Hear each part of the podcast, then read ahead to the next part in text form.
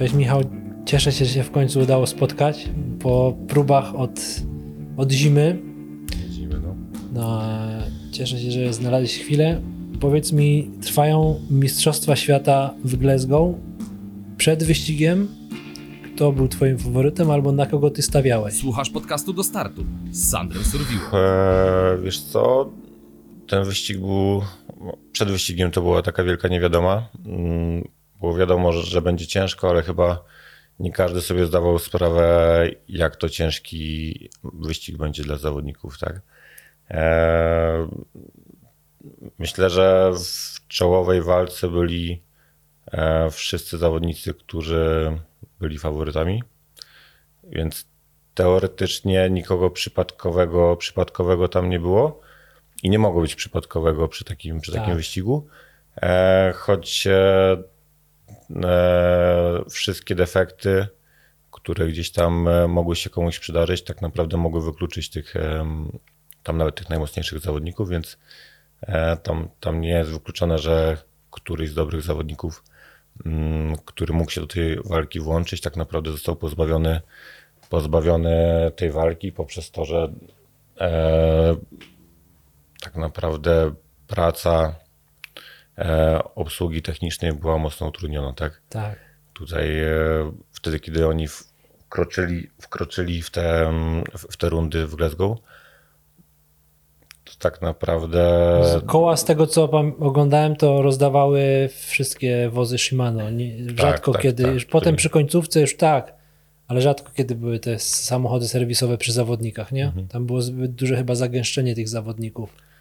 Tak, no tam to było jednak kryterium, które było w formie, tak. w formie 150 km. E, kiedy tylko wjechali tam do miasta, no to bodajże 150 km przed, em, przed, przed metą. To już tak naprawdę to wyglądało jakby, Tak.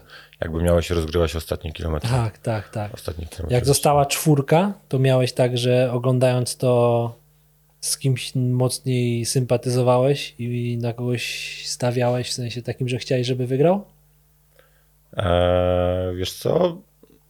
Myślę, że bardziej eee, tam, tam bardziej byłem za Van Aertem. Okej. Eee, ale tak jakby no, tam, tam każdy tam każdy z, z, z tych kolarzy chyba już udowodnił, że eee, Potrafi zaskoczyć. że po, może nie zaskoczyć, ale że każdemu z nich się należało tak naprawdę. To tak? prawda, no. Tam, tam nieważne kto by wygrał, to, mm, to można by powiedzieć, że każdy, każdemu się należało, nie? Tak, tak, tak, to prawda. No natomiast y, no tam jak y, Van der Poel zaatakował, to wydawało się, że dojedzie do końca, Mhm. a jeszcze na 16 do mety e, wydarzył się wypadek, co jeszcze bardziej jakby zaostrzyło dramaturgię, nie?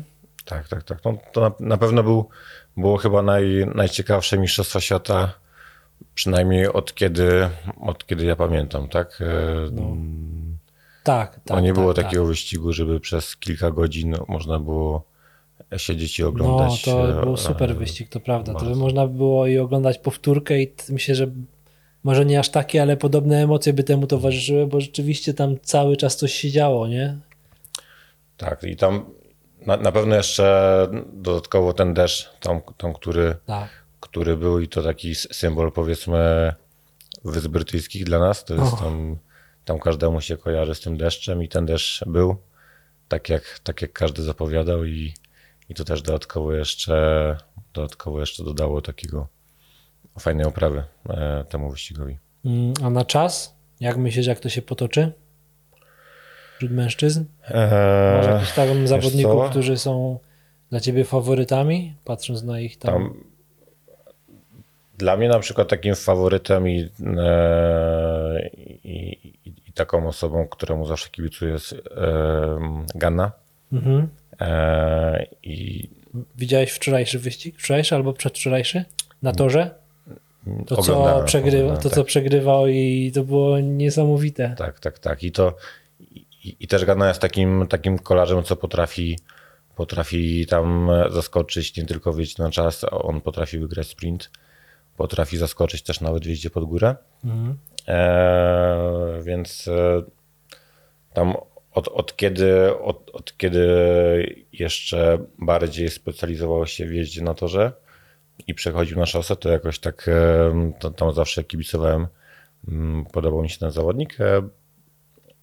Na pewno, na pewno tutaj faworytów będzie dużo więcej, tak? Tak. Tak jeszcze jak e, sezon, dwa sezony temu mm, wydawało się, że tam Ganna właśnie będzie takim mocnym faworytem, co tak naprawdę się nie przełożyło na e, chociażby rok temu na, na Mistrza Świata, to, e, to w tym roku myślę, że ciężko wybrać takiego zawodnika, który tam będzie Takim jednoznacznym e, faworytem, nie? jednoznacznym faworytem. Na, na pewno Van Aert jest takim Van Aert, potem tak, jeszcze... takim zawodnikiem, co na pewno mu będzie bardzo zależało, tak? bo to tak, jest tak, e, tak, tak. e, On chciałby coś udowodnić, bo Często chyba pięć razy miał srebrny medal na Mistrzostwach tak, Świata. Zresztą na Olimpiadzie chyba podobnie miał dwa srebrne, nie?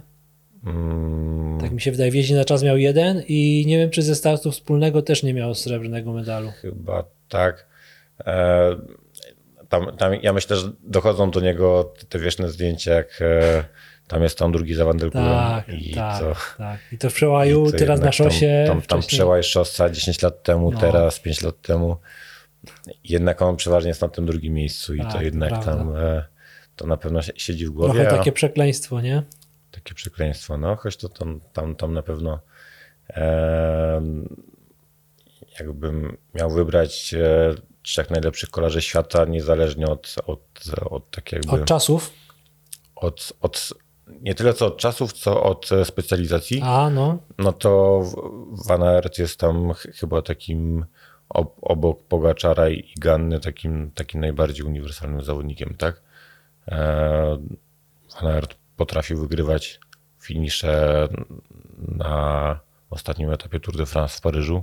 To prawda, no. Patrząc E. nawet na zeszłoroczne mową tu, które wygrał też. Tak, tam, tam Czy potrafił. w ogóle w zeszłym, w zeszłym roku na Tour de France miał tą formę niesamowitą, nie? Mhm. Jak tak patrzymy na to Tak, no rzeczywiście. to jest tam. E, jeszcze jest Evenpool, który, e, który mm, też dla niektórych jest faworytem, Tak, to właśnie chciałem e, też powiedzieć. ale nie do końca nie do końca mi się wydaje, że jest w takiej formie, żeby gdzieś tam e, Zawalczyć. zawalczyć o tą, o tą najwyższą, o tą Mhm, najwyższą lokatę. No zobaczymy, tak naprawdę tam e, zawsze się ktoś taki pojawia trochę z drugiego szeregu, który Zamiesza. e, no przynajmniej na tym podium gdzieś tam się pojawi, tak? Tak jak e, w zeszłym roku to był Tobias Foss, Mhm. tak? Dobrze kojarzę? Tak, tak, tak. Mm, I to też tak naprawdę zawodnik chyba, na którego nikt by żadnych pieniędzy nie postawił, że on akurat wygra, tak? Bo prawda. to, że będzie w czołówce, to jest, e, to jest ok, ale tam wygrać ten najważniejszy wyścig w sezonie tam dla czasowców, bo to jest tam taki wyścig e, na czas Mistrzostwa Świata, to jednak jest e, jedna impreza w ciągu roku. Tak, ja na, na przykład ostatnio się nad tym zastanawiałem, to co mniej więcej wywołałeś, co dla kolarza mogłoby być bardziej cenniejsze, czy medal olimpijski, czy medal Mistrzostw Świata. Bo takie mam wrażenie, że te medale Mistrzostw Świata, one mają taki dodatkowy prestiż, że ta koszulka tęczowa dodaje takiego ekstra prestiżu i tam te medale olimpijskie i potem niby przez te 4 lata jesteś tym mistrzem olimpijskim i dodali sobie dodatkowe atrybuty w postaci złotego kasku czy jakichś takich innych elementów. Nie wiem, przynajmniej to jest, mi się tak wydaje.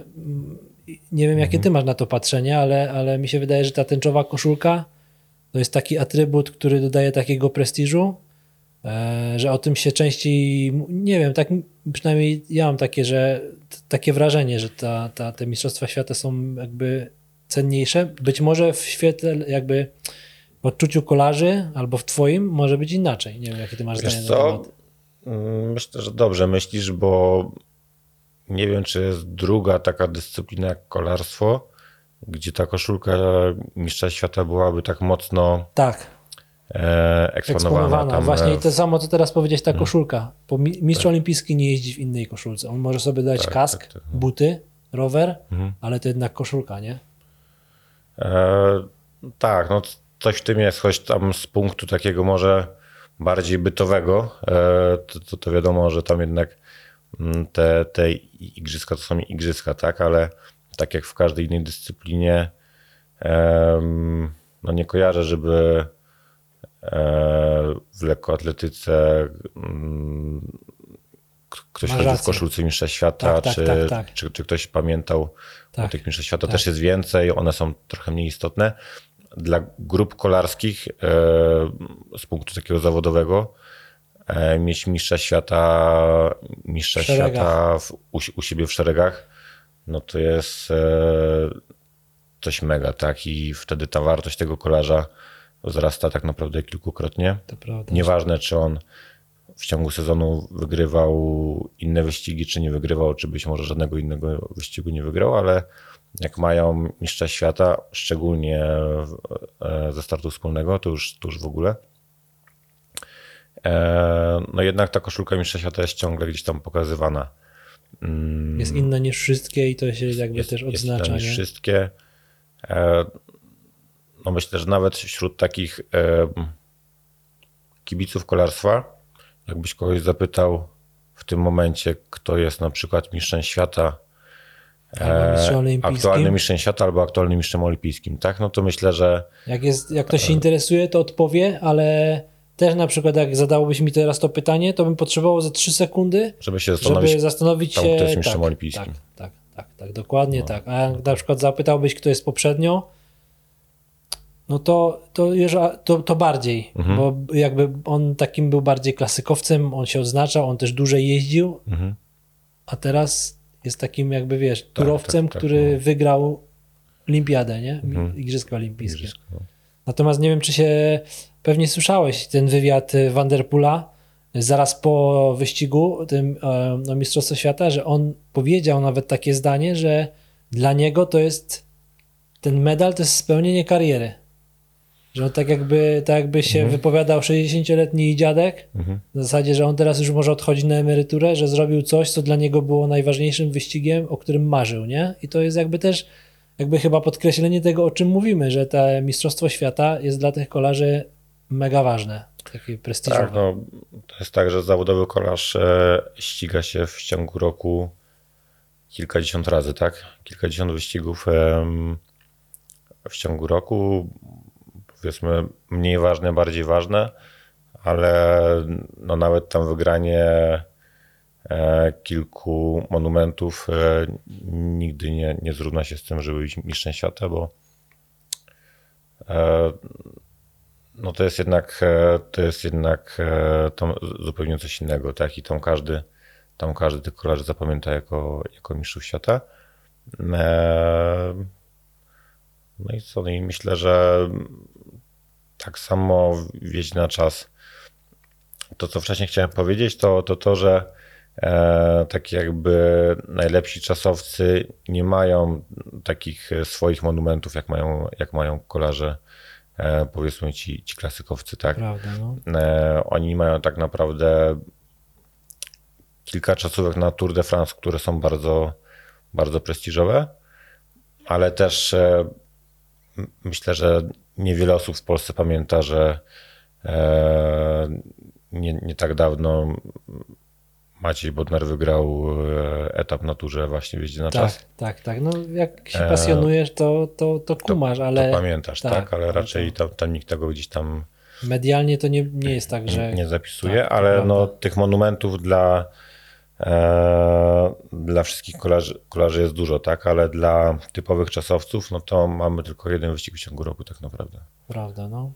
Powiedz mi, jak ty się znalazłeś w kolarstwie, jak to się zaczęło, że, że jeździsz dzisiaj na rowerze Mhm. i jeździsz od wielu lat. E, wiesz co? Jak to, się, jak to się zaczęło? Bardziej z takiej chęci, chęci mm, trenowania, trenowania jakiegoś sportu.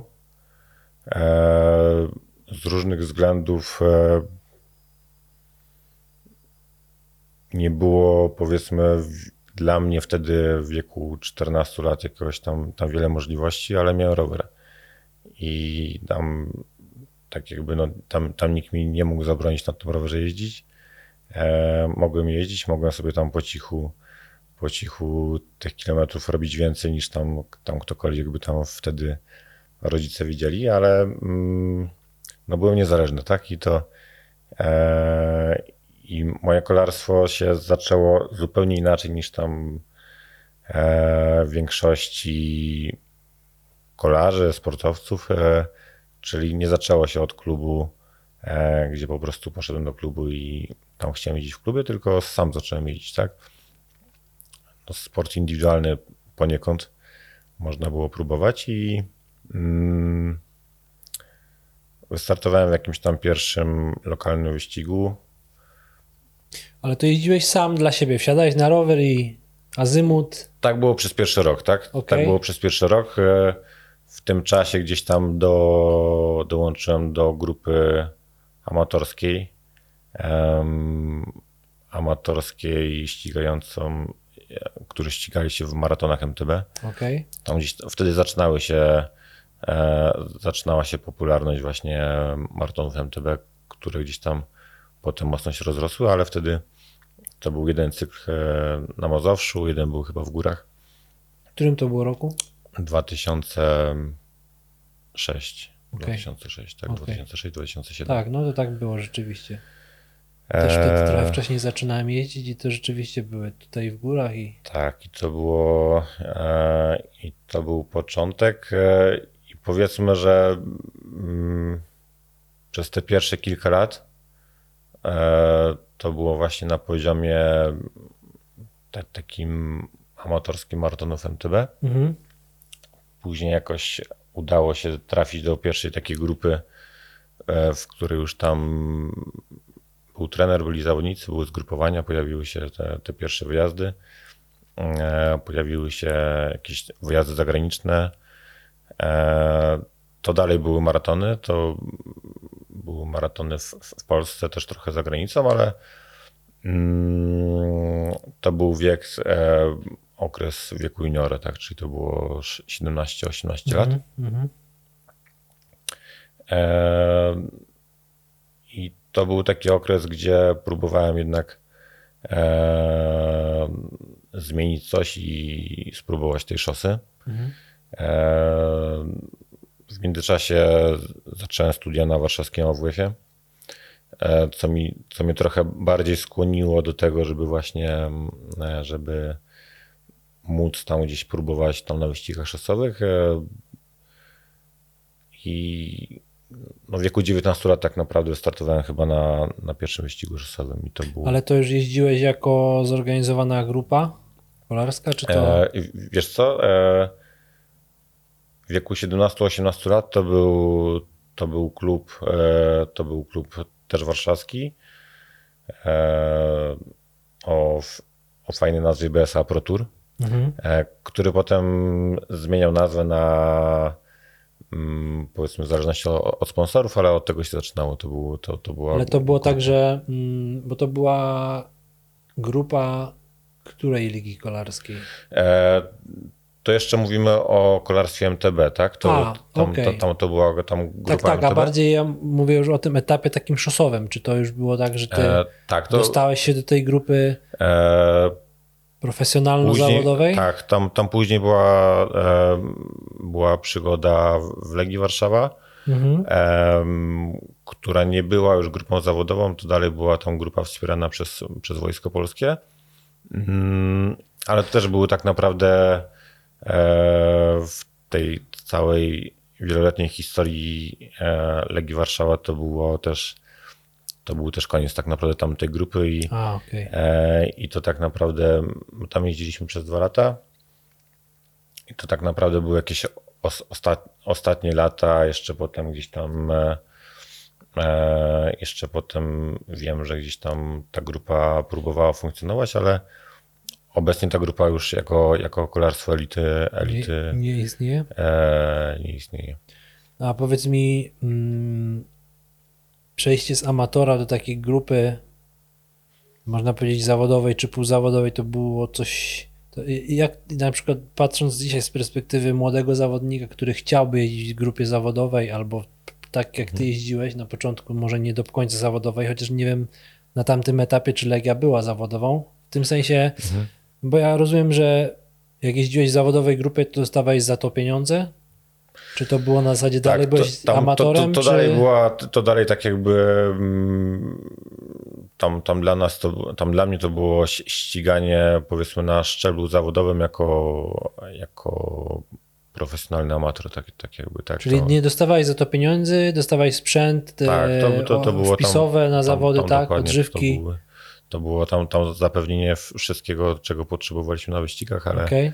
Mm, ale też e, w międzyczasie trzeba było e, studiować jakieś te fundusze tam na życie, Okej, samemu pozyskiwać. na życie samą pozyskiwać. E, A późniejsze grupy? Bo też jeździłeś w kilku innych, nie? Później e, tak, to, to, to też między innymi to też był powrót do tej poprzedniej grupy, która była grupą MTB. Ona wtedy stawała się grupą szosową. E, też w późniejszym okresie był, e, był początek grupy, po- początek grupy Woster, tam, która teraz do, dosyć fajnie funkcjonuje właśnie w kolarstwie zawodowym. Mm, ale to dalej w, w moim przypadku to było raczej e, ściganie jako, jako powiedzmy profesjonalny zawodnik bez, bez kontraktów zawodowych. A, okej. Prawda jest taka, że ta przygoda e, w, tej, w tym półprofesjonalnym e, ściganiu e, nie trwała jakoś długo, tak? Bo wszedłem do, do kolarstwa szosowego jako orlik. Jako orlik tak naprawdę, jak skończyłem orlika, to tak naprawdę e, skończyłem się tam ścigać w tych, e, w tych wyścigach. Miałem tam drobną przerwę od kolarstwa, ale też zacząłem mocniej pracę zawodową. Wyjechałem, wyjechałem między innymi właśnie tutaj na, na południe. E, ale tak jak planowałem przerwać tak jakby jakąś rywalizację sportową na dłuższy okres, tak e, to trw- to trwało niedługo, bo to tak naprawdę chyba sezonu nie wytrzymałem bez, Okej. bez żadnego wyścigu. Bez rywalizacji. Bez żadnego wyścigu. Rower powiedzmy, że odstawiłem na hak może na trzy tygodnie, Okej. e, więc jednak ta, ta, ta, ta żyłka sportowca dalej została. E, więc tak, no, to były zupełnie dw- dwa inne okresy.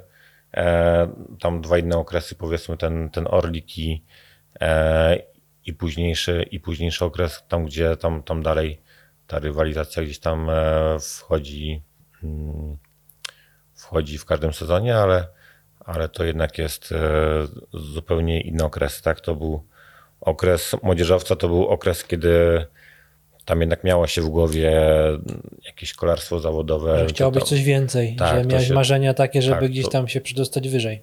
Dokładnie myślę, że chyba, chyba każdy Tak, E, tak. tam, myślę, tam młodzieżowy każdy, no. o tym myśli, nawet jak, e, nawet jak o tym, jak o tym głośno nie mówi, to, to, to każdy tym, w, w tym kolarstwie ma jakieś marzenia.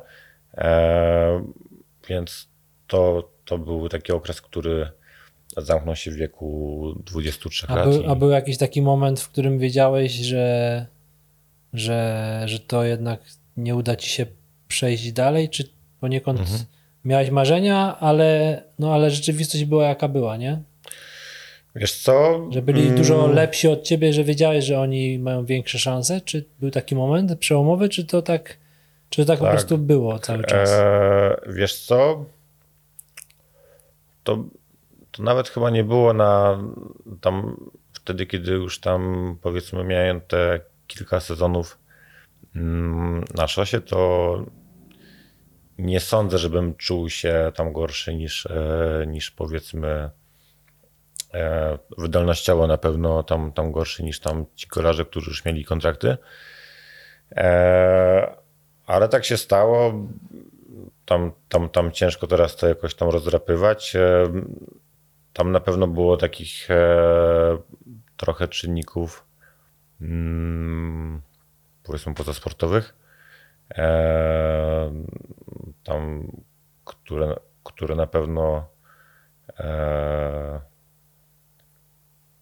powiedzmy, że nie, nie pomogły mi, nie pomogły mi, aby tam gdzieś tam w, w tej grupie, w tej grupie zawodowej tam gdzieś tam się znaleźć, ale, To też nie było łatwe, tak? No, tych, tych orlików juniorów w Polsce jest dużo, orlików jest pierwszorocznych też dużo, a potem, potem jednak e, do tego kolarstwa zawodowego przychodzi maksymalnie kilka osób.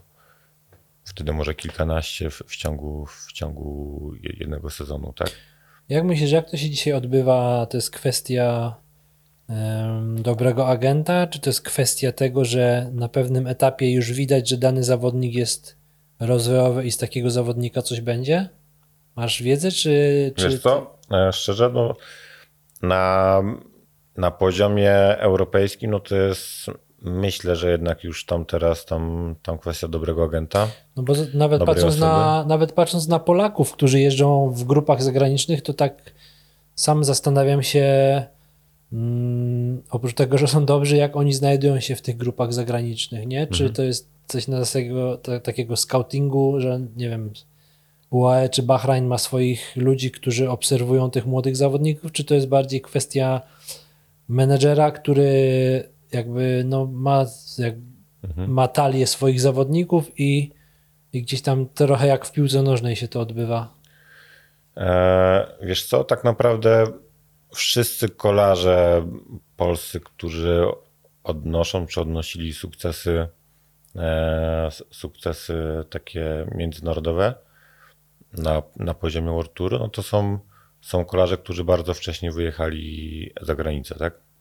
Za pomocą e, agentów, może bardziej takich tam znajomości, mm, e, znajomości wyjechali po prostu do Włoch, czy do Hiszpanii, czy do Francji, choć akurat dużo osób wyjeżdżało do Francji i, i raczej nikt z tej Francji się z tych lig jakoś tam jako Polak e, nie przebijał do mm, tam bardzo wysoko. Myślę, że tam łatwiejszą drogą obrali ci, co, co wyjechali do Włoch albo do, do Hiszpanii. I to raczej było na zasadzie właśnie tam na zasadzie znajomości byłych kolarzy. e, Okej, że ktoś komuś tam podpowiedział, pomógł i A, a, a dopiero potem, a dopiero potem e, na pewno ich tam przejmowali agenci, czy, e, czy zostali gdzieś tam wyszukani przez ten, ten scouting, który podejrzewam, że kilkanaście lat temu tego za bardzo jeszcze nie było. Tak, Tak, myślę, że tak, ten, tak, ten, tak, ten, tak. ten scouting teraz. bardziej nawet myślałem o tych takich, ep, że tak powiem, epoce po Kwiatkowskim i po, i po e, Majce, nie? Mhm. bo oni jakby byli, no Tomek Marczyński wiadomo, Przemek Niemiec, natomiast y, to też było wtedy inaczej i po e, jakby jak wyjechał Michał Kwiatkowski czy, czy, e, czy Rafał Majka, to też pewnie ci młodzi zawodnicy się znają, czy coś, bo ich jakby ich jeździło kilku Mhm. i z biegiem czasu właśnie teraz ich jeździ coraz więcej i nawet ja nie mówię w tych pro, proturowych y, drużynach, ale nawet w tych niższych y, ligach, nie? Że jeździ tych Polaków dużo więcej niż Wiesz kiedyś co? jeździło. E, czy dużo więcej? No, myślę, że tam ilościowo Podobnie? e, w tej powiedzmy pierwszej, drugiej dywizji może to się trochę zwiększa, ale, ale bym powiedział, że ostatnie dwa lata raczej no, no nie są op- optymistyczne. To gdzieś tam, Okej. tam, tam był taki, taki mega progres. Mm, to się trochę zbiegło w czasie też e, z Mistrzem Świata Michała Kwiatkowskiego, tam gdzie potem te kolejne lata też były tam, tam bardzo fajne i, i, i, w ogóle tak jakby Polska była wysoko w rankingu i mm, tych sukcesów było więcej. Ch- Chyba też większe zainteresowanie było właśnie mm, polskimi kolarzami.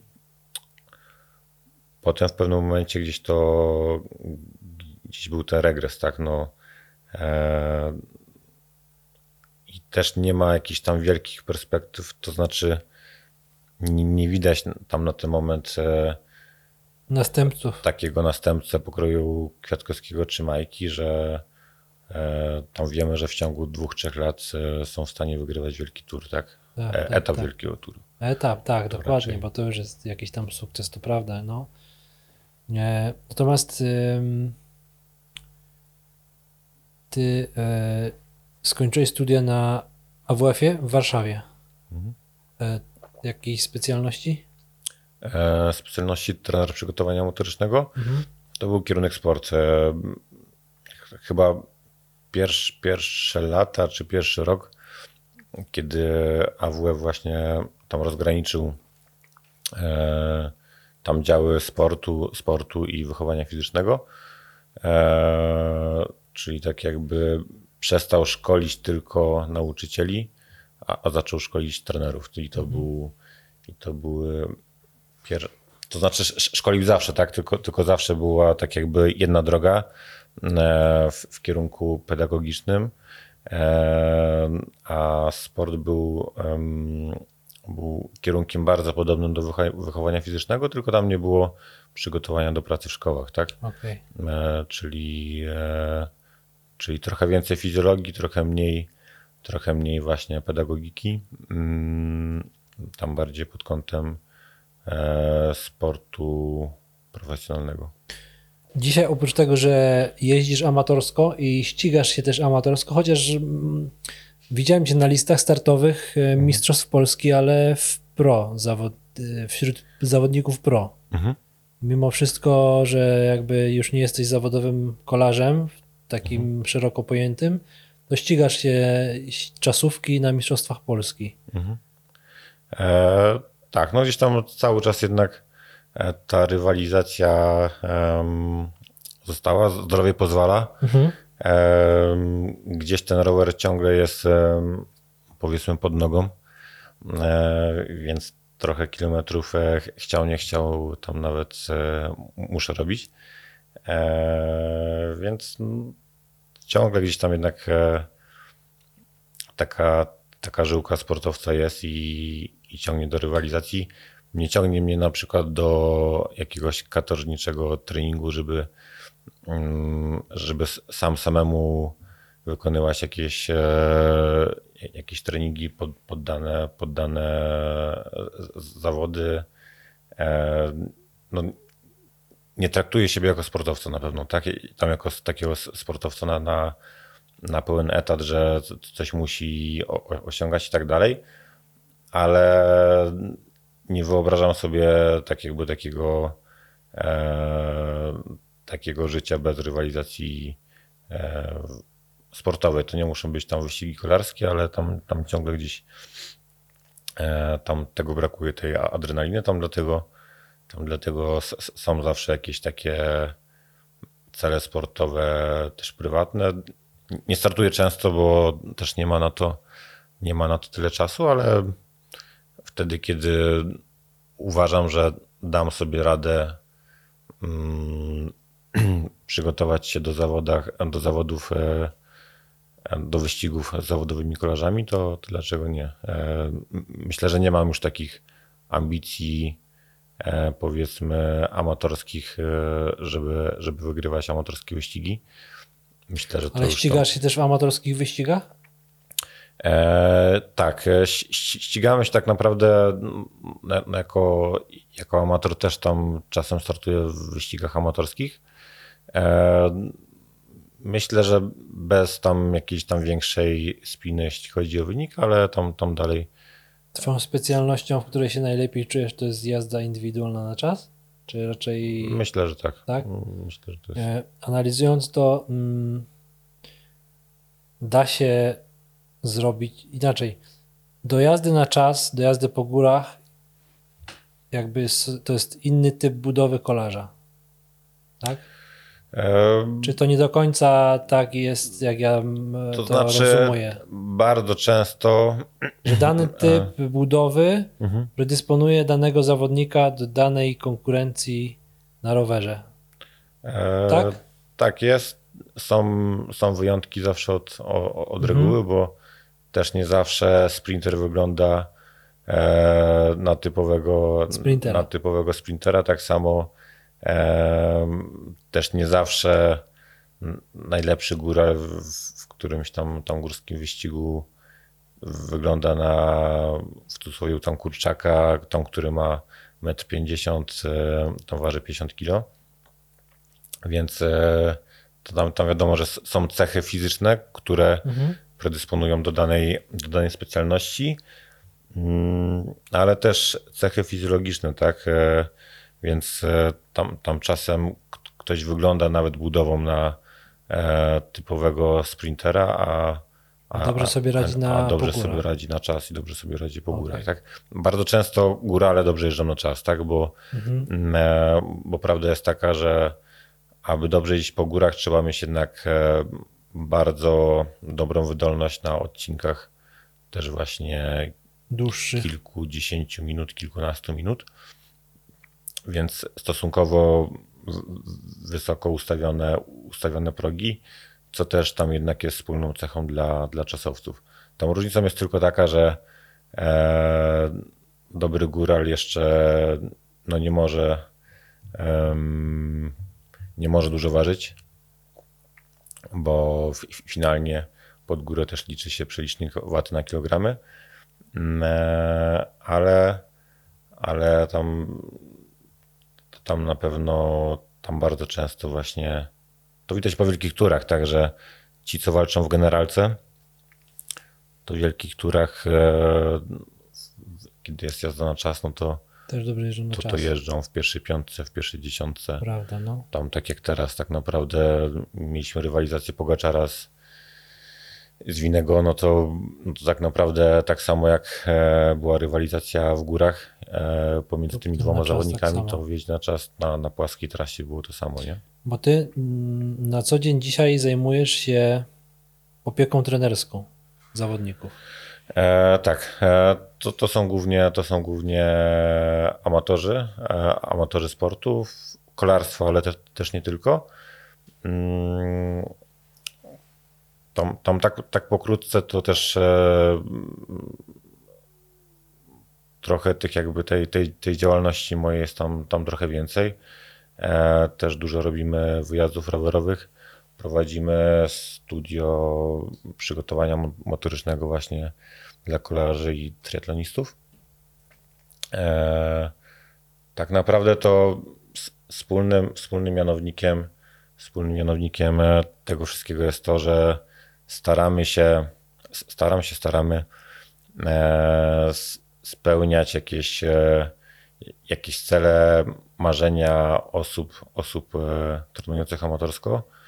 Niekoniecznie poprzez rywalizację w wyścigach i, i wygrywanie czegoś, tylko każdy ma jakieś swoje cele, tak?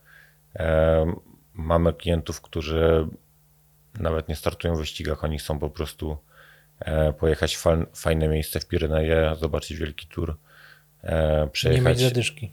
przejechać wszystkie przełęcze, wszystkie przełęcze te, które e, są na wielkich turach i, i, to dla, i to dla niektórych jest tam jakimś tam celem, marzeniem, tak? E, Są, są zawodnicy, którzy typowo myślą o rywalizacji, o rywalizacji sportowej e, i, i to jest ich jakiś tam główny, główny cel. Mm, Jak, jak przychodzi do ciebie amator i mówi, że na przykład chciałby dobrze jeździć po górach albo dobrze jeździć na czas, to mm, jest tak, że ten trening e, w zależności co chciałby robić różni się. Że na przykład, nie wiem, ja chciałbym, już abstrahuję od mojej budowy, ale załóżmy, że chciałbym, nie wiem, dobrze jeździć po górach, to jest inne przełożenia, inne są treningi, metody treningowe dla zawodników takiej i takiej specjalności? Tak, no tam na pewno jak e, ch- ch- chcemy tam już e, wyklarować jakąś specjalizację i, i dążymy do, do poprawy jazdy w górach, to jest zupełnie inny trening niż mm, e, powiedzmy dla zawodnika, jak ty byś przed i byś chciał iść na czas. E, no Tam, tam prawda jest taka, że no, wspólny mianownik jest e, tam ten sam, bo to jest tam, tam trening systematyczny.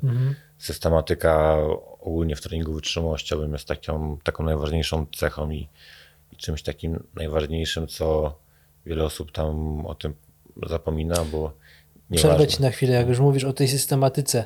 Dla ciebie kierujesz się tym, ile zawodnik ma czasu w tygodniu? Czy bardziej ty, ty narzucasz? To, to, przede, to przede wszystkim jest punkt wyjścia, tak? E, Okej. Tam, tam w ogóle tak jakby, jeśli chodzi o taką opiekę, o, opiekę, taki mentoring trenerski, no to jest jednak e, mm, najważniejszy jest taki wywiad, e, wywiad z zawodnikiem. E, I tak naprawdę mówimy, kiedy mówimy o sporcie amatorskim, no to ten trening musi być dostosowany do życia prywatnego, a nie odwrotnie, tak?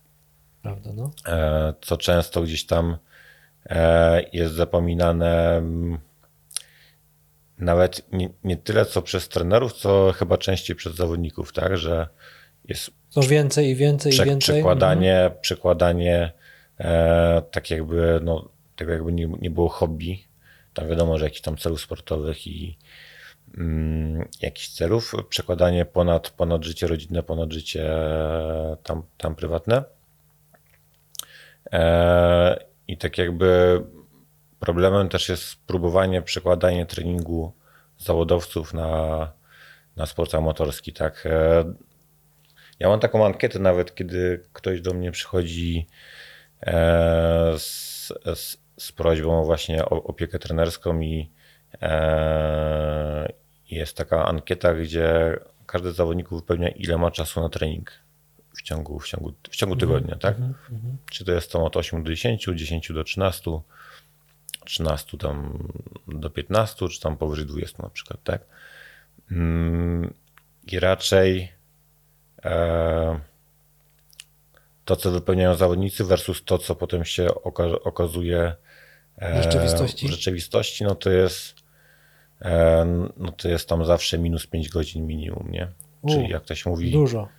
Tam, tam często jest tak, że ktoś tam zaznacza, że ma 20 godzin w tygodniu, no to, no to ja już sobie zakładam, że jest tak, jak będzie miał 15, to będzie, Będzie dobrze. dobrze.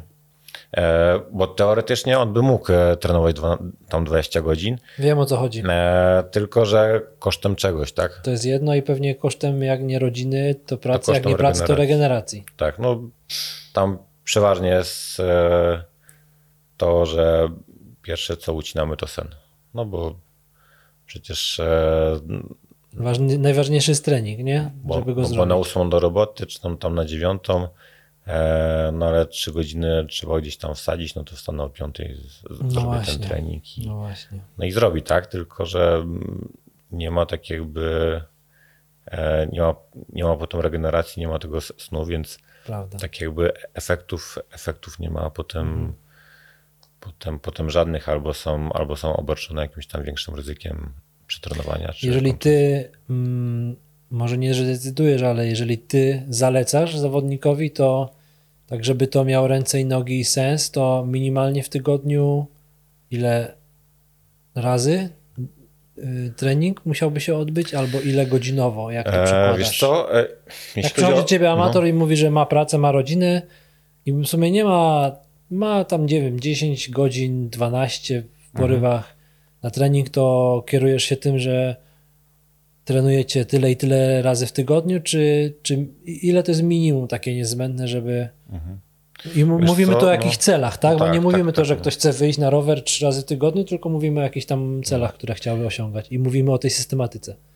E, Wiesz co, no jeśli e, ktoś nie ma na przykład e, czterech dni w tygodniu na trening, tak żeby poświęcić powiedzmy przynajmniej cztery, cztery jednostki treningowe w, w ciągu tygodnia i zrobić, to raczej Nie ma to o, od razu mówię, że to nie ma sensu, że znaczy e, jest sens, aby tam, tam dalej tam trenował, ale tak jakby no ja się tam, tam za to nie biorę, bo tam, tam też tam lubię e, lubię tam jakieś e, e, cele realizować, które potem, po, potem e, osiągamy, tak, że no jak ktoś na przykład przyjdzie i chce zrobić Ironmana i e, i mówi, że tak trzy razy w tygodniu to, to mógłby potrenować, no to jednak e, no to jednak jest tam Ukończyć pewnie by ukończył, natomiast pytanie w jakim zdrowiu i, i już nawet nie chodzi o czasy, nie? Bo tak, to tak, głównie tak, o to to już chodzi. potem no, to, co mówiłem wcześniej, czyli ta systematyka, która moim zdaniem jest tam jedną z najważniejszych tam rzeczy w treningu wytrzymałościowym, systematyka tygodniowa i systematyka roczna, tak? Czyli jak najmniej przerw e, spowodowanych właśnie różnymi czynnikami, ale im, im kto ma mniej przerw, nie wiem, spowodowane tam, tam pracą, chorobą i tak dalej, Kontuzjami, mhm. e, kontuzjami, tym, tym tak jakby też ten, ten trening jest tam, tam dużo efektywniejszy, jest tam, tam dużo więcej możliwości właśnie na, na realizację celów. E, to są te cztery dni w tygodniu, kiedy możemy pójść na trening, to moim zdaniem jest takie Niezbędne minimum. takie niezbędne minimum. E, je- Jeśli chcemy coś tam w tym, w tym sporcie, nieważne na jakim szczeblu, bo to, to też jest tam dosyć tam e, powiedzmy indywidualne, ale, ale nieważne na jakim szczeblu te, te cztery razy w tygodniu e, to jest takie minimum. Jeśli chodzi o czas, tam zakładając e, wszystko w zależności już wtedy od, od e, docelowych e, No ale minimum takie, Zawodów. już wiadomo, że mając 8 godzin w tygodniu, nie mówię, że się nie da, ale będzie ciężko się przygotować do Ironmana pełnego, tak żeby da się, ale nie Wiesz jest to co? łatwe. Czy, E, uśredniając, e, nawet 8 8-10 godzin w Wystarcza. tygodniu, e, ale jeśli to będzie właśnie systematyka i- Okej. i, i to będzie tam, tam trening e, jakościowo tam dobrze wykonany, e, czy, czyli tak jakby, no bo można trenować 8 godzin, e, z czego 5 godzin to, to będą przejażdżki ze znajomymi, mm, albo jakieś tam, tam przebieżki tam po lesie z psem, no to e, tam to wiadomo, że tam, tam ciężko wtedy brać pod uwagę, tak? Ale mówimy o takim stricte treningu od 8 do 10 godzin mm, średnio przez cały rok, bo wiadomo, że to jest tam, tam czasem to jest 6 godzin, czasem 12-14 mhm. ale, e, ale to już nawet jest taki czas tam, gdzie e, można się zdrowo i, i, naprawdę z jakimś tam, tam fajnym, fajnym wynikiem przygotować nawet do, do, do pełnego Ironmana, tylko to nie może trwać e, przez, przez pół roku, tak? To, to, to mówimy już o, o takiej systematyce kilkuletniej, tak? Tam, Okej. tam kiedy ten trening jest tam jednak e, robiony latami bez tam dłuższych przerw. Mm, e, I tak, ale to tak jakby w sporcie, w sporcie na przykład w kolarstwie amatorskim e, taki optymalny przedział to jest pomiędzy 8 a 15 godzin, tak? E, w kolarstwie amatorskim więcej niż 15 godzin naprawdę nikt nie potrzebuje, tam do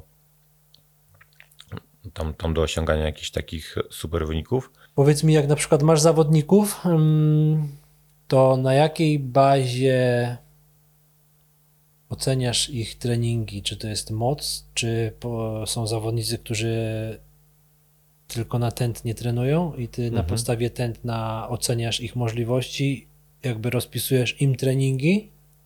Czy to jakby, czy zawodnicy, którzy zaczynają z tobą, to są tylko w oparciu o moc na rowerze? E, wiesz co, do, to dosyć mocno się zmieniło przez tam ostatnie lata. Tak naprawdę 10 lat temu, Wszyscy robili na tętnie. 10 lat temu, może nie wszyscy, ale ten pomiar mocy dopiero wchodził, tak?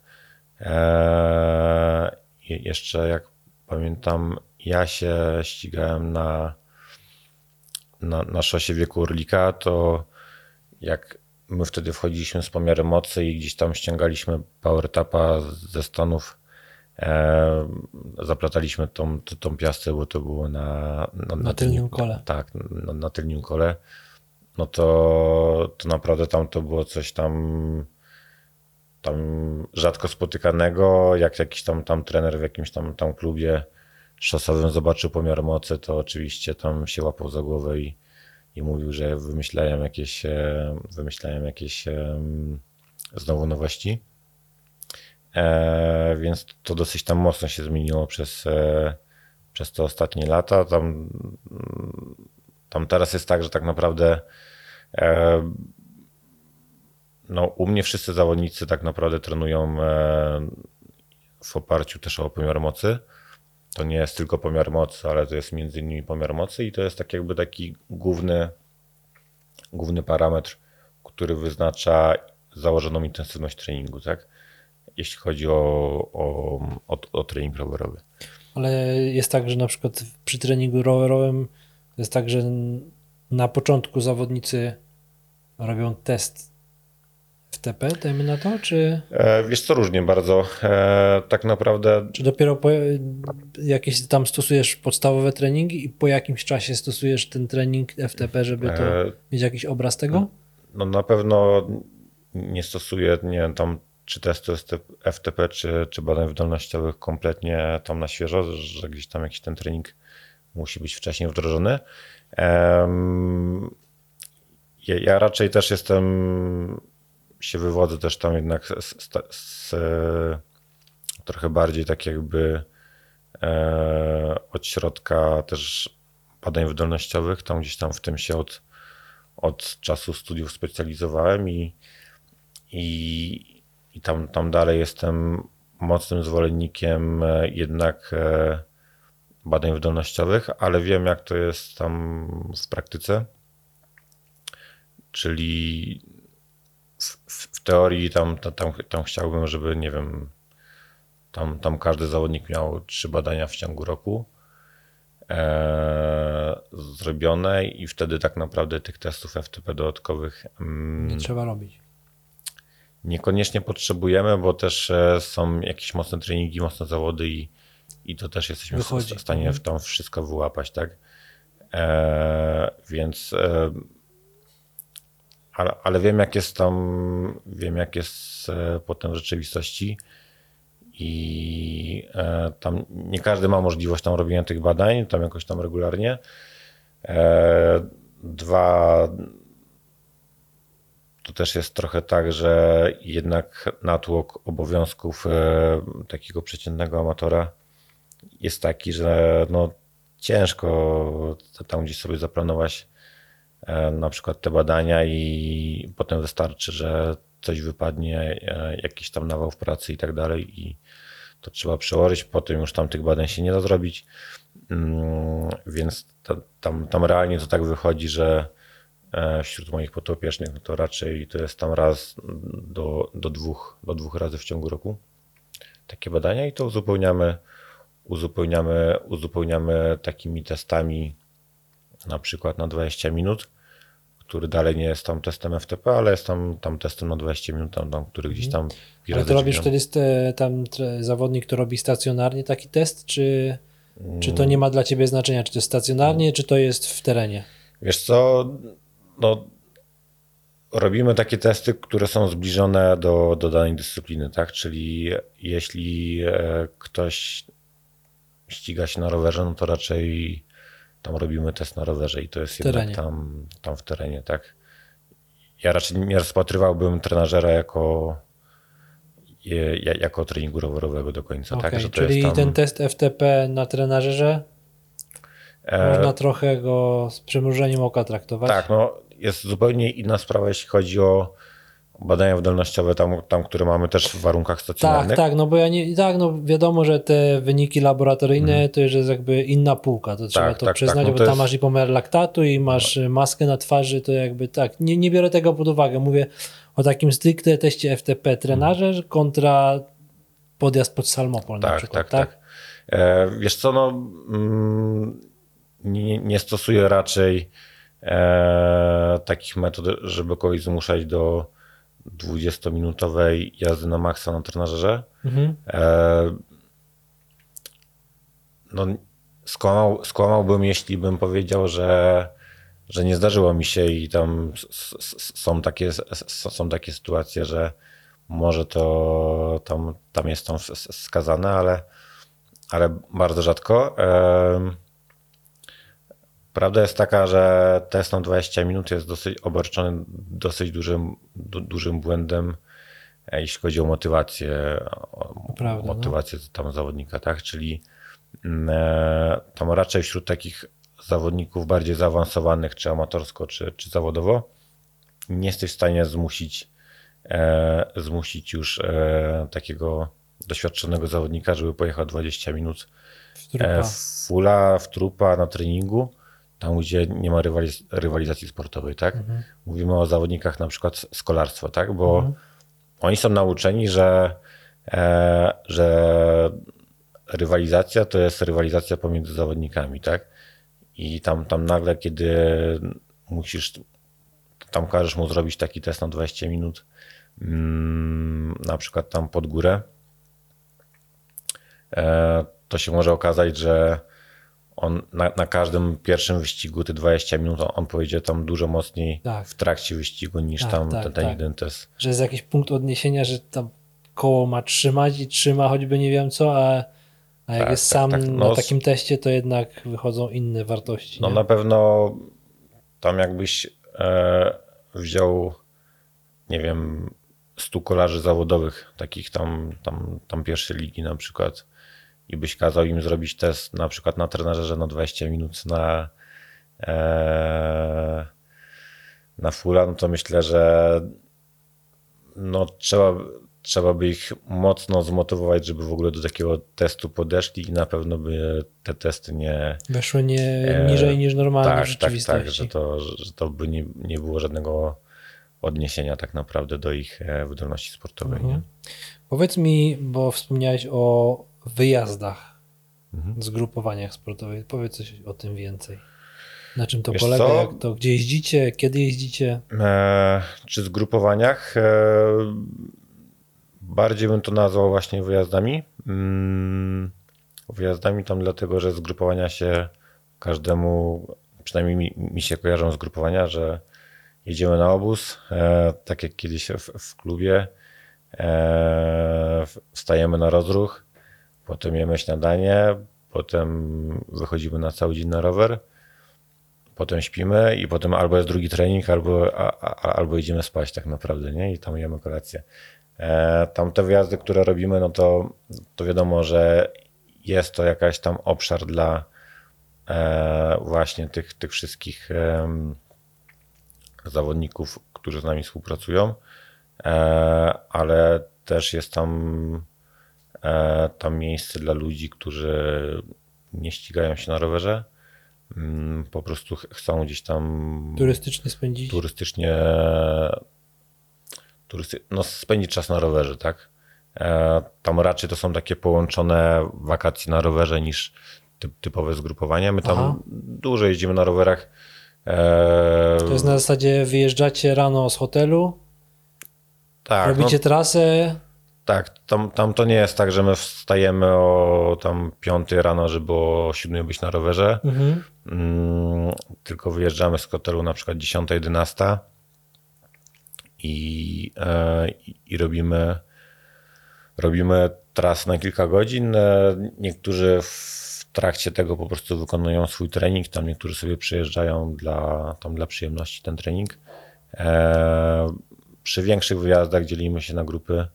Właśnie chciałem zapytać, jak to, jak to, no bo jest, ilu masz zawodników na takim, na takim wyjeździe? Wiesz co, bardzo różnie. Albo do, ilu, albo do ilu doszło? O, bo to bardziej z tego bym chciał wyjść. Il, do ilu maksymalnie miałeś zawodników na jednym wyjeździe? E, Wiesz co, bardzo różnie. Teraz na przykład e, robiliśmy bardzo mały wyjazd tam e, do Szkocji właśnie do Glasgow na Mistrzostwa Świata Masters, ale to było tam, tam typowo dla e, pięciu ludzi, którzy tylko startują w zawodach. Mm, Ale wszystkie inne zawody, e, przepraszam, e, wszystkie inne wyjazdy to jest przedział od e, 10 osób do 20, to jest taki gdzieś tam standardowa, standardowa grupa. Są wyjazdy, na których e, mamy dużo więcej osób, ale to często są osoby towarzyszące, A, okej. czyli na przykład e, Mąż żoną, tak? tak, my robimy na przykład e, pod tym kątem taki wyjazd na Majorce e, i w okresie majowym i teraz w, w okresie właśnie jesiennym. To są wyjazdy, na które jeździ 50-60 osób, tak? U. Ale powiedzmy na rowerze mamy 20-20 parę osób. No jak masz na przykład 20-20 parę osób, które mają rowery i chcą jeździć na tych rowerach, to Mhm. e, jak ustawiasz, bo tak naprawdę każdy albo większość jest o różnym Na poziomie. innym poziomie. Tak. Tak, i jednak jak rysujesz trasę, załóżmy na 100 km, no to Mhm. jak, jak to rozwiązujesz? Bo to jest często obawa ludzi, którzy chcieliby na taki wyjazd jechać, ale mówię, kurczę, może jestem za słaby, może, może to jeszcze nie Tak, jest dla co? mnie. No to jest taka chyba mm, właśnie najczęstsza obawa właśnie Czy da radę, nie? ludzi, czy da radę. Mm, jeszcze nasze wyjazdy są jakoś e, odbierane przez, e, przez, wiele, przez wiele osób jako jakieś mega profesjonalne. Mm, Nie wiem dlaczego, być może tam trochę przez nazwę, trochę przez, e, przez tą, tą. Przez to, że tą- macie też tą- grupę tą- tą- zawodową, tą grupę. zawodników macie mocnych, więc to może też tak, Tak, ludzie, amatorzy odbierają, że to jest to jednak jest, grupa tak. zawodowa. Mhm. Tak jak powiedziałem wcześniej, to jest może też zgrupowanie, może tam ci wszyscy zawodnicy, którzy są u was w teamie też jeżdżą na to zgrupowanie, Mhm. więc tam to tempo pewnie nie jest zbyt wolne i to pewnie z tego to się bierze, nie? Tak, e, trochę tak, no jest taka obawa. E, Jeśli chodzi o same tempo i, i tam właśnie podział tych grup, to jest taki mm, no problem chyba tam, problem każdego na wyjazdach, tak, że nigdy do końca tam, tam nie wiemy, e, kto, kto przy... Tam wiemy prze, przed wyjazdem, kto przyjedzie, tam, tam raczej e, te osoby, co przyjeżdżają na wyjazdy, to znamy albo przeprowadzamy wywiad i, i wiemy, z czym mamy do czynienia, ale prawda jest taka, że no, tam ktoś może być w, teoretycznie w dobrej formie, ale tam przyjdzie na wyjazd po, po kontuzji, po chorobie i tak dalej. I no to jest niestety sport wytrzymałościowy, tak? To, co mówiłem o tej systematyce.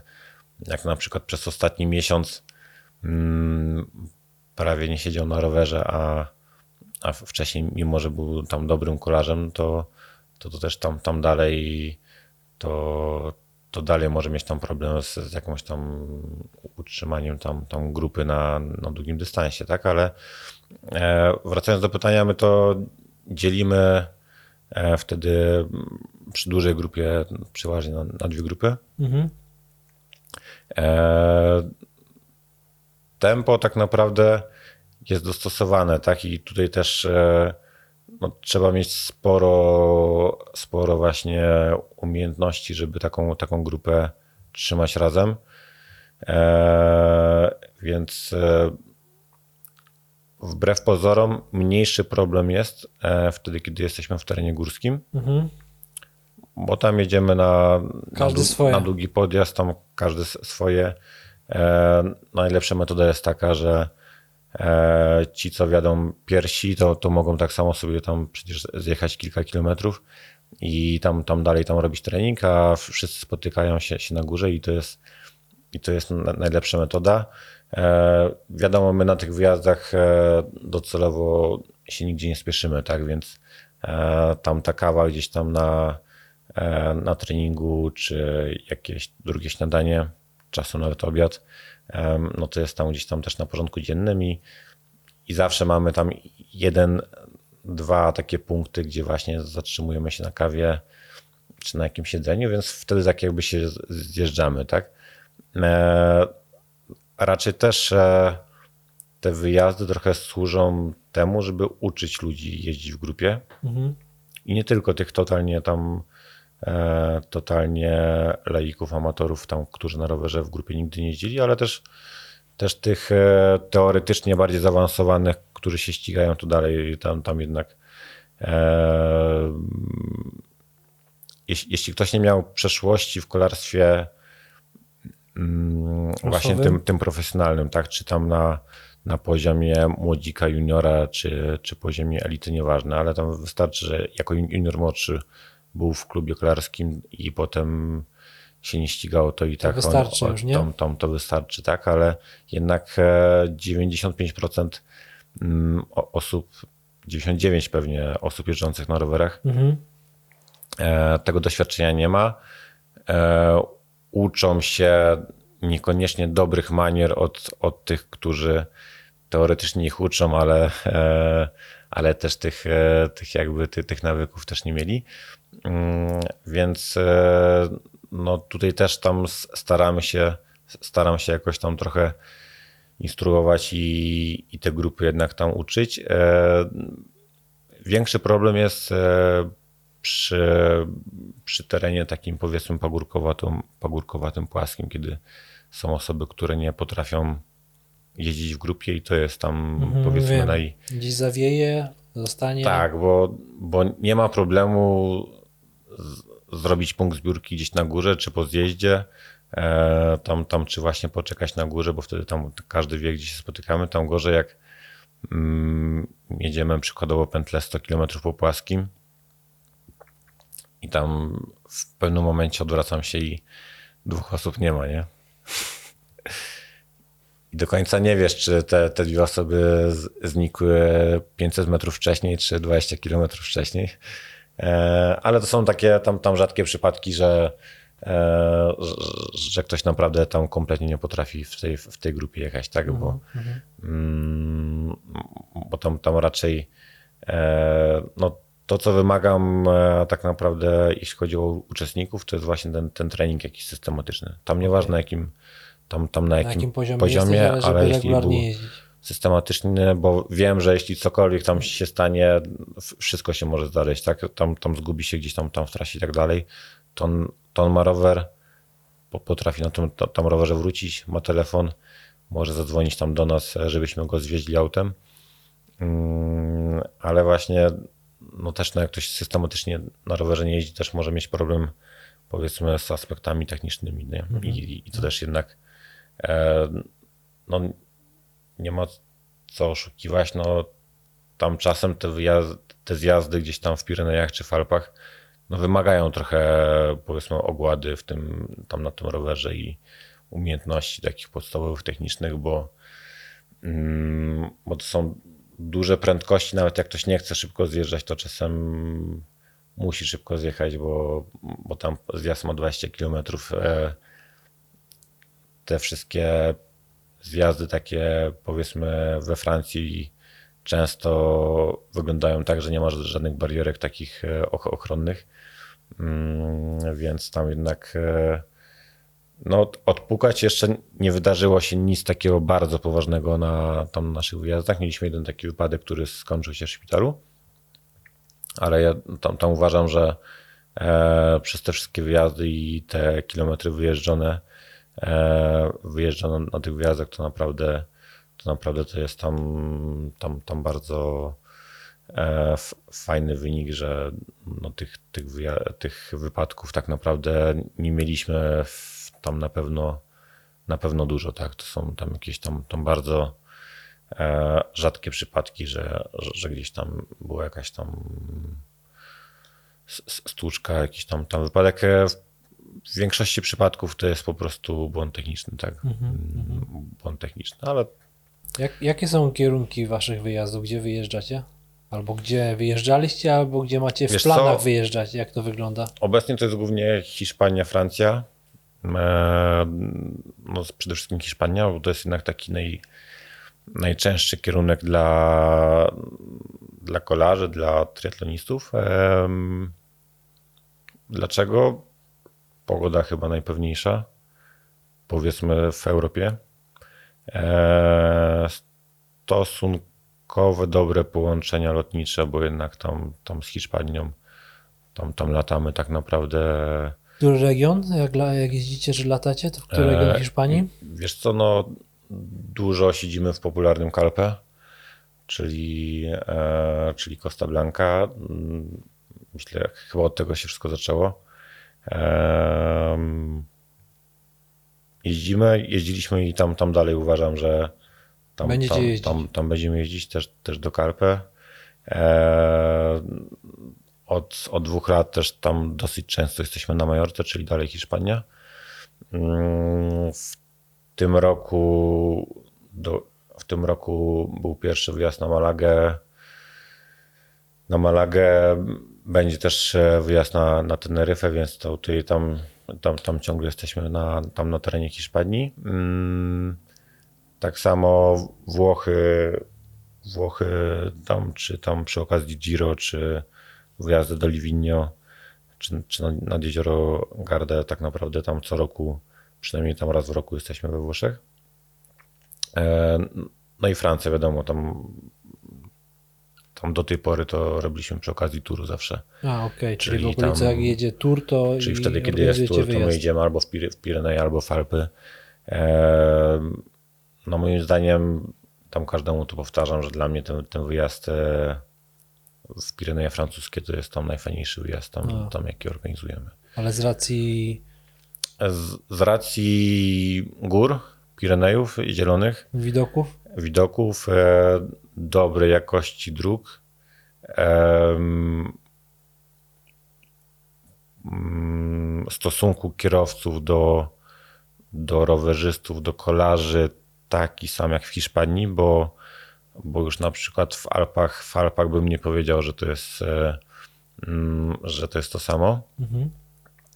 E, No i tam jednak te Pireneje to jest taki klimat dosyć tam, dosyć wilgotny, więc tam, tam mamy taki klimat bardzo zielony, e, bardzo zielony, inny niż właśnie w Hiszpanii gdzieś tam, tam, tam w, głębokich rejonach. E, więc tutaj tam myślę, że to jest taki tam takie miejsce też, gdzie nie ma dużo turystów, tak? To jest, my tam jeździmy w lipcu na przykład. Em, I w ogóle nie czuć, że jesteśmy, że jesteśmy w rejonie wakacji, tak? A, okej. Że jednak tam, jak byliśmy w Alpach, w, w rejonie Briançon, no to, no to jednak tam napływ Niemców, Włochów jest tam, tam duży. Mm, No bo jest bliżej, tak? Em, na przykład e, kiedyś jak chyba pierwsze zgrupowania, jak jeździliśmy na, na rowerach jeszcze tam w, w klubie, jak trenowałem, to pierwszy raz byłem chyba gdzieś tam w zgrupowaniu we Włoszech i wtedy pamiętam, byłem zafascynowany, jak e, kierowcy potrafią być życzliwi w stosunku do, do kolarzy. E, bo miałem porównanie tylko z Polską na przykład, tak? E, Później jak zaczęliśmy jeździć do Hiszpanii, to jednak e, zmieniłem tam, tam trochę podejście do, znaczy postrzeganie tam, tam Włoch na przykład i, i we Włoszech e, nie uważam, że to jest takie wszystko fajne i przyjemne, przynajmniej w tych rejonach, co jeździmy, że jednak tam jest tam e, trochę gorszy stosunek właśnie kierowcy do, mm, do kolarzy. To się pewnie też zmieniło po prostu przez ostatnie lata, tak? Trochę przez, e, przez pewnie turystykę, ale jednak sam, sam sposób bycia Hi- Hi- Hiszpanów e, i to, jak się zachowują właśnie tam na drodze w stosunku do, tam do kolarzy, to moim zdaniem to jest tam, tam najlepsze miejsce. E, No i ja po prostu tam wiem, że jak jesteśmy w Karpie, jedziemy na rower, czy jesteśmy na Majorce, to jednak czuję się bezpiecznie, tak? Przyjeżdżamy tutaj do, tam do Polski, no to myślę, że to dalej się zmienia na plus, ale, ale to nie jest jednak e, to, co, co właśnie w Hiszpanii, czyli jak wyjeżdżamy na rower tutaj w okolicach, w okolicach, w okolicach Bielska, na pewno nie, nie czuję się tak bezpiecznie jak gdzieś tam Okej. w okolicach Karpe czy, czy gdzie indziej w Hiszpanii. No i we Francji jest bardzo podobnie, tak? E, to, to, tam, tam bardzo bym tam to, to porównywał i dlatego tam gdzieś tam mm, myślę, że podobne są opinie, op, opinie uczestników, którzy byli w Pirenejach z nami. My to też bardzo, bardzo fajnie łączymy, bo zawsze mamy jeden, dwa dni na, na tym Tour de France, tak? I przeży, przeżyć, przeżyć taki finałowy podjazd e, z tymi wszystkimi kibicami. Jak to jest właśnie, powiedz mi, e, ty przed przejazdem zawodników musisz się na tej górze znaleźć dużo wcześniej, bo oni zamykają tą drogę? Jak to, się, jak to jest? Wiesz co, e, na Tour de France tak, to jest zupełnie inny wyścig niż, niż, niż każdy. E, Tour de France to jest zupełnie inny wyścig niż e, każdy inny, czyli nawet porównując do Giro, bo też byliśmy, też jeździmy co roku na Giro, e, to aby być na tym finałowym podjeździe, e, trzeba tak dobre kilka godzin wcześniej tam.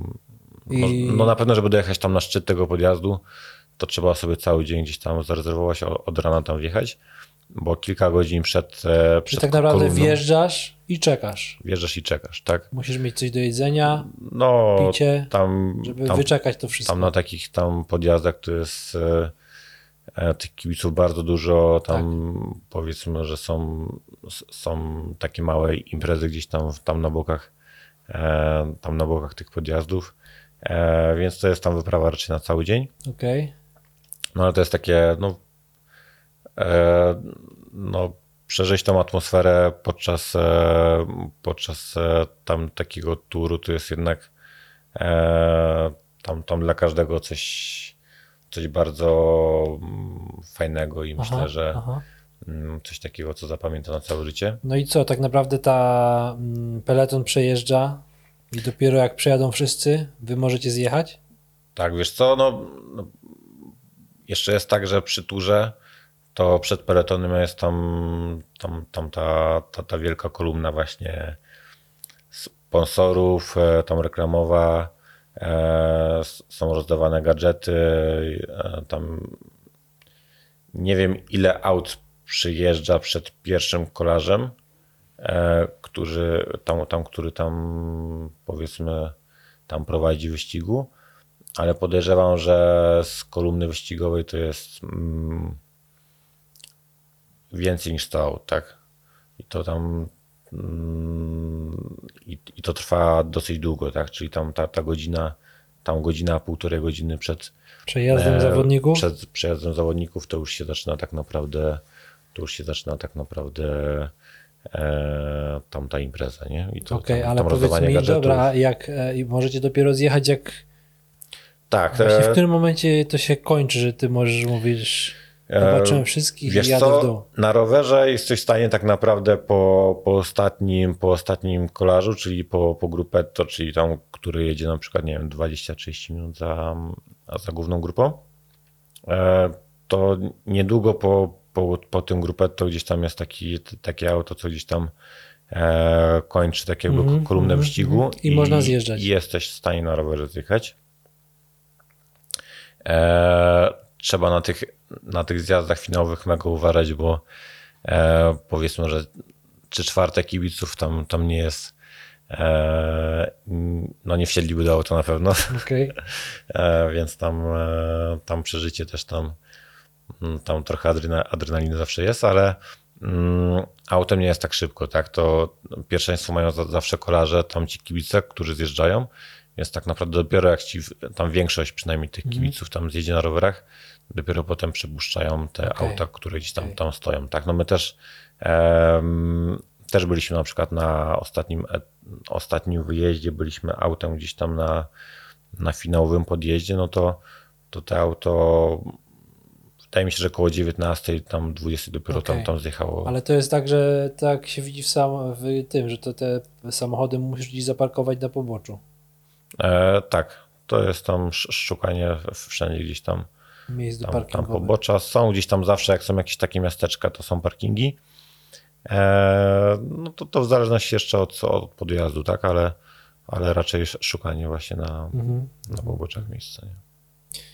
Michał, bardzo Ci dziękuję za to, że znalazłeś czas, Dzięki. że mogliśmy porozmawiać o kolarstwie. Mhm.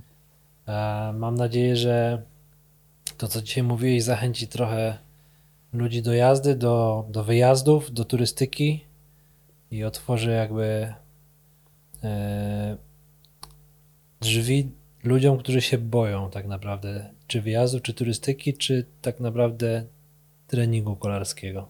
Mhm. No ja myślę, że też e, pandemia w ogóle s- strasznie, znaczy strasznie, to może jest e, kiepskie słowo, ale, ale mocno tak jakby zmotywowała właśnie ludzi do, do jeżdżenia na rowerze, do takiej turystyki rowerowej. Trochę myślę, że odciągnęła od, em, od rywalizacji sportowej, bo to widać na, na zawodach i, Mniej osób startuje, zauważyłeś to? tak, mniej osób startuje, a i to nie tylko w triatlonie, też, też w kolarstwie. E, Mniej osób startuje, więcej osób trenuje i to jest tam, tam, tam taki trend, który właśnie e, zaczął się w pandemii. To było też spowodowane na pewno e, wieloma czynnikami, tak? Od, od względów ekonomicznych, po, po też tam to, że myślę, że był taki okres, gdzie właśnie wszyscy zawodnicy startujący, rywalizujący, ścigający się na rowerze czy tam na innych zawodach mieli takie pół roku, rok, żeby się tam, tam sobie trochę zastanowić się tak naprawdę, mm, co dla nich jest tak naprawdę tam najważniejsze, nie? I tam, tam dlatego myślę, że tam część, część osób trochę odpadło od tej rywalizacji. Ale to myślę, że to też tak jak e, każde mody, każde trendy gdzieś tam się zmieniają, tak więc Tak, to, tak, tak. to tak. nie jest powiedziane, że taki trend się będzie utrzymywał. Myślę, że tutaj mocno gdzieś te względy ekonomiczne gdzieś tam się przyczyniły do tego, że jednak e, te zawody po prostu są droższe i dla organizatorów, i dla, i dla prawda. zawodników. To prawda, prawda. Dziękuję Ci bardzo za rozmowę. Dzięki bardzo.